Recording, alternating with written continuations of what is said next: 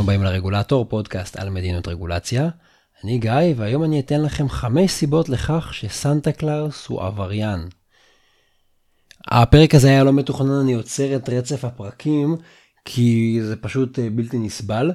כמו בכל שנה, מסתבר שגם השנה סנטה קלאוס הפר בגסות שורה של רגולציות ממשלתיות.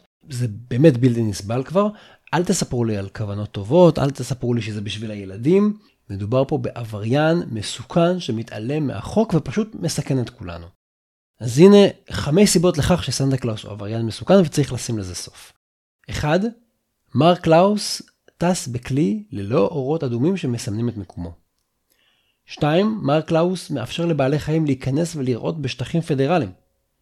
3. מר קלאוס טס ללא רישיון טיס תקף. ובדקתי את זה. 4. מר קלאוס מפעיל כלי טיס שאינו ראוי לטיסה. ו-5. מר קלאוס מבריח טובין מעבר לגבולות מבלי שהם יעברו בדיקה ומבלי להצהיר עליהם לרשויות המס. אז בכל הכבוד, הדבר הזה חייב להיפסק. חג שמח למי שחוגג, ומי ייתן שבשנה הבאה סנטה קלאוס יהיה מאחורי סורג ובריח. אגב, אם סנטה קלאוס הוא פחות הטיפוס שלכם, אני ממליץ לכם להאזין לפרק 84, שבו בחנתי את הרגולציה המפתיעה והמשעשעת על מצות. תודה שהאזנתם לפרק המיוחד הזה של הרגולטור, התכנים משקפים את דעותיי בלבד. Mm.